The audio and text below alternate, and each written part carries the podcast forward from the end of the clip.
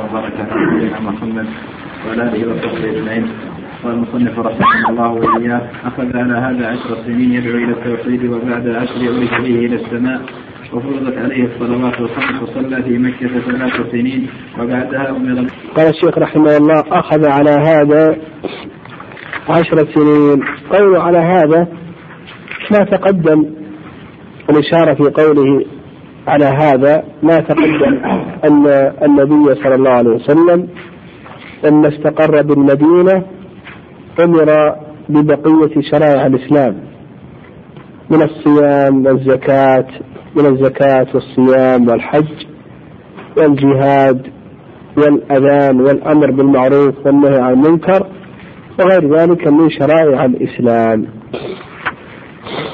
نعم. أخذ على هذا عشر سنين نعم ها؟ نعم أخذ على هذا عشر سنين يدعو إلى التوحيد وبعد العشر أرج به إلى السماء وفرضت عليه الصلوات الخمس. نعم أخذ على هذا عشر سنين يدعو إلى التوحيد. النبي عليه الصلاة والسلام من بعثته أن توفاه الله عز وجل وهو يدعو إلى التوحيد. كما قال سبحانه وتعالى قل إنما أنا بشر مثلكم يوحى إلي أنما إلهكم إله واحد. والذي يوحى إلى النبي صلى الله عليه وسلم أن الله عز وجل إله واحد يعني يفرد بالعبادة دون ما سواه. قال وبعدها عرج به إلى السماء. يعني بعد عشر سنوات عرج من النبي صلى الله عليه وسلم إلى السماء. أولا أسري به إلى بيت المقدس من مكة إلى بيت المقدس.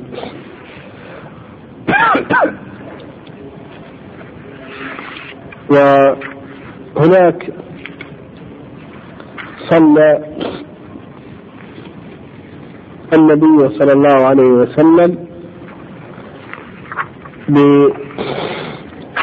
بالأنبياء عليهم الصلاة والسلام. النبي عليه الصلاة والسلام صلى بالأنبياء. ثم بعد ذلك عرج به إلى السماء بدابة يقال لها البراق. فوق الحمار ودون البغل. يضع خطوه عند منتهى بصره. وقصة المعراج معروفة فإن النبي صلى الله عليه وسلم عرج به إلى السماء ثم فأتى السماء الأولى فاستفتح ووجد فيها آدم عليه الصلاة والسلام ثم بعد ذلك رحب به آدم وقال مرحبا بالابن الصالح والنبي الصالح إلى آخره ثم عرج به إلى السماء الثانية وجد فيها ابني الخالة عيسى عليه الصلاة والسلام ويحيى. ورحب به ثم عرج به إلى السماء الثالثة فوجد فيها هارون عليه الصلاة والسلام يوسف يوسف عليه الصلاة والسلام ثم رحب به يوسف عليه الصلاة والسلام ثم عرج به إلى السماء الرابعة وجد بها هارون عليه الصلاة والسلام ورحب به ثم عرج به إلى السماء الخامسة وجد موسى عليه الصلاة والسلام ثم عرج به إلى السماء السادسة وجد إدريس عليه الصلاة والسلام ثم بعد ذلك عرج به إلى السماء السابعة وجد إبراهيم عليه الصلاة والسلام. ها؟ إدريس الرابعة موسى الخامسة وهارون ها؟ هارون الخامسة آه، إدريس الخام الرابعة وهارون الخامسة وموسى عليه الصلاة والسلام السادسة وإبراهيم عليه الصلاة والسلام السابعة. نعم. وصلى في مكة ثلاث سنين وبعدها أمر بالهجرة إلى المدينة والهجرة نعم فرضت عليه الصلوات الخمس. وأول ما فرض عليه عليه الصلاة والسلام أول ما فرض عليه خمسون صلاة. ولم يزل النبي عليه الصلاة والسلام بين موسى وبين ربه حتى جعلهن الله عز وجل خمسا في الفعل وخمسين في الميزان فهذا من رحمة الله عز وجل نعم صلى في مكة ثلاث سنين وبعدها أمر بالهجرة إلى المدينة والهجرة الانتقال من بلد الشرك إلى بلد الإسلام. نعم الهجرة في اللغة الانتقال. وأما في الاصطلاح فهي الانتقال من بلد الشرك إلى بلد الإسلام. والهجرة تنقسم إلى أقسام. القسم الأول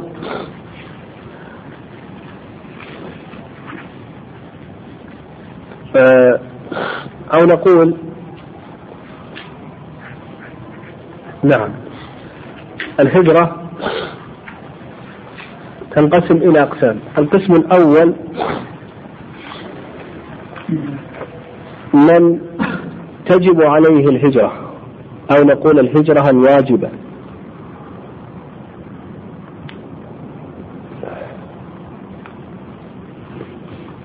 والهجرة الواجبة هذه في حق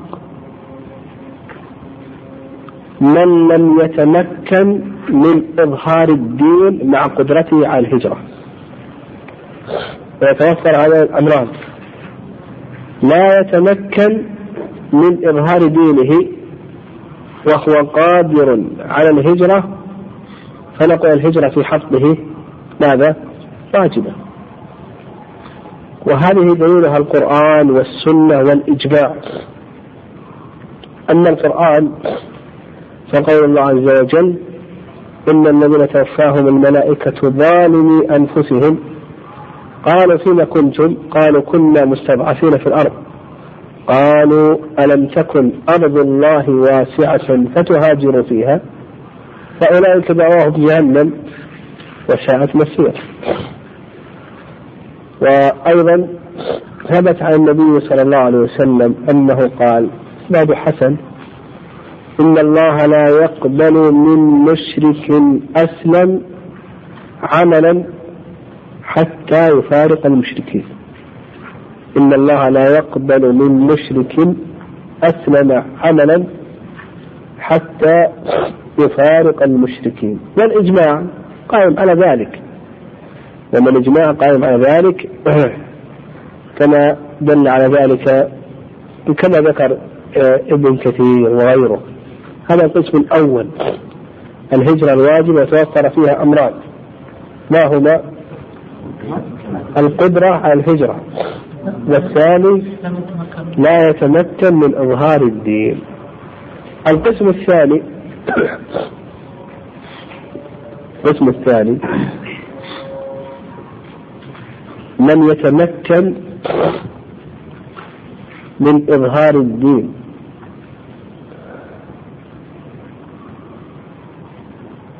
ويقدر على الهجرة. فهل يجب عليه أن يهاجر أو لا يجب عليه أن يهاجر؟ يتمكن من إظهار الدين و ماذا؟ ويقدر على الهجرة. هذا موضع خلاف. موضع خلاف. فيه رأيان. الرأي الأول أنه لا يجب عليه أن يهاجر. هذا قال به جمع أهل العلم منهم الشيخ عبد الرحمن بن حسن والشيخ عبد الرحمن السعدي وغير ذلك. دام أنه متمكن من إظهار دينه يظهر دينه. والقول الثاني أنه يجب عليه أن يهاجر. وهذا يميل اليه الشوكاني والأقرب والله أعلم هو الراي الأول. فانه ما يجب عليه أن يهاجر. ما دام أنه متمكن من إظهار دينه. ولو كان قادر على الهجرة. لكن بشرط. أيضا نضيف شرط آخر في وقتنا اليوم. لأن الصحابة رضي الله تعالى عنهم هاجروا وبقي أناس. بقي أناس من الصحابة. رضي الله تعالى عنهم في المدينة. لكن نضيف إلى ذلك ماذا؟ أن يأمن على نفسه من الشبهات والشهوات. لا بد أن يأمن خصوصا في وقتنا اليوم. لا بد أن يأمن على نفسه من الشبهات والشهوات.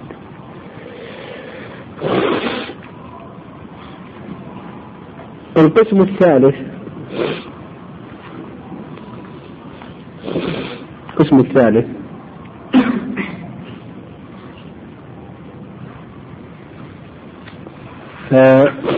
ألا يتمكن من إظهار الدين ولا يستطيع الهجرة. إذا كان لا يتمكن من إظهار الدين ولا يستطيع الهجرة فهذا لا يجب عليه أن يهاجر. لأن الله عز وجل قال إلا المستضعفين من الرجال والنساء والولدان لا يستطيعون حيلة ولا يهتدون سبيلا. نعم لا يستطيعون حيلة ولا يهتدون سبيلا. نعم. نعم. على هذه الأمة من بلد الشرك إلى بلد الإسلام فبهذا نعرف الإقامة الإقامة في بلد الكفر إيش حكم الإقامة في بلد الكفر؟ يقول يشترط في الإقامة في بلد الكفر أن يكون قادرا على إظهار دينه وما المراد بإظهار الدين؟ قال بعض العلماء المراد بإظهار الدين أن يظهر كل الدين. الأعمال والعقائد. الأعمال والعقائد. يظهر جميع الدين من الأعمال والعقائد. فيظهر الصلاة الجماعة والجمعة والصيام والزكاة. كل الدين يظهره. قال بعض العلماء إن المراد بإظهار الدين هو أن يظهر شعائر الظاهرة من الصلاة ونحوها. وهذا أقرب. هذا أقرب إذا أظهر الشعائر الظاهرة. نقول هذا لا بأس. ونقول الإقامة في بلد الكفر أولا اشترط لها أولا ماذا؟ القدرة على إظهار الدين. هذا الشرط الأول. الشرط الثاني الشرط الثاني أن يأمن على دينه من الشبهات والشهوات. فلا بد أن يأمن على دينه من الشبهات والشهوات وإلا فإنه يجب عليه أن يفارق إذا قدر على ذلك. نعم. ها؟ شوف كان هذا شيء ثاني. نعم. والدليل قوله تعالى إن الذين توفاهم الملائكة ظالمين أنفسهم. وقوله تعالى يا عبادي الذين آمنوا إن أرضي واسعة فإياي فاعبدون. قال البغوي رحمه الله سبب نزول هذه الآية في المسلمين الذين بمكة لم يهاجروا ناداهم الله باسم الإيمان. والدليل على الهجرة من السنة قوله صلى الله عليه وسلم لا تنقطع الهجرة حتى تنقطع التوبة ولا تنقطع التوبة حتى تطلع الشمس من مغربها. نعم لا تنقطع. الهجرة حتى تنقطع التوبة. قد ذكرنا الهجرة تنقسم ثلاث أقسام من بلاد الكفر. الهجرة من بلاد الكفر تنقسم ثلاث أقسام القسم الأول هجرة واجبة. وهي لمن كان متمكنا من الهجرة ولا يستطيع أن يظهر دينه. والقسم الثاني هجرة مستحبة. وهي لمن كان متمكنا من من إظهار دينه. وأيضا يقدر على الهجرة. يقدر على الهجرة ويتمكن من إظهار دينه ويستحب له أن يهاجر.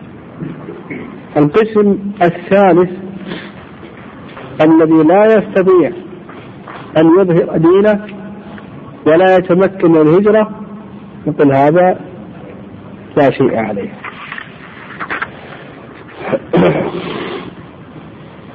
نعم. والدليل من السنة حديث جبريل المشهور عن عمر بن الخطاب رضي الله عنه. قال بينما فلما استقر في المدينة أمر البقية شرائع أمر. أمر البقية شرائع الإسلام.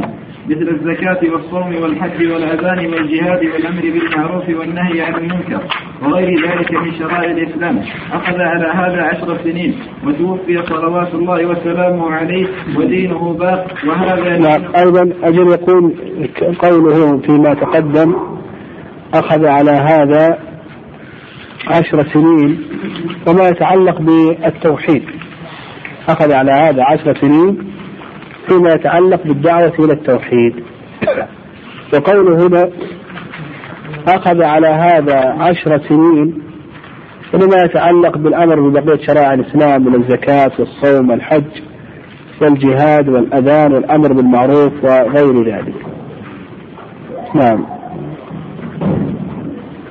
ودينه باق وهذا دينه لا خير إلا دل الأمة عليه ولا شر إلا حذرها منه. والخير الذي دلها, دلها عليه التوحيد وجميع ما يحبه الله ويرضاه والشر الذي حذرها منه الشرك وجميع ما يكرهه الله ويأباه.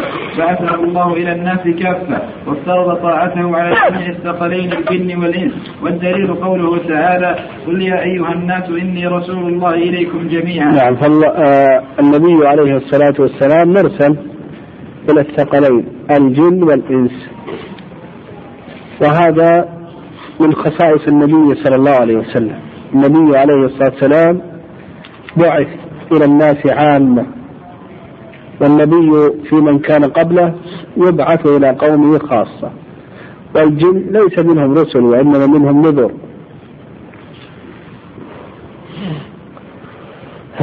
وقوله افترض الله طاعته على جميع الثقلين.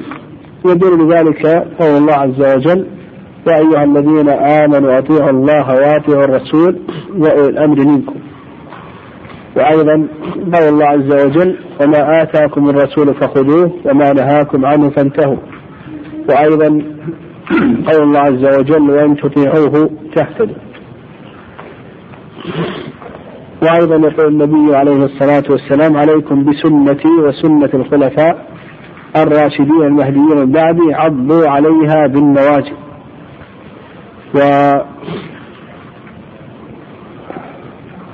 نعم والأدلة على ذلك كثيرة. الله أعلم.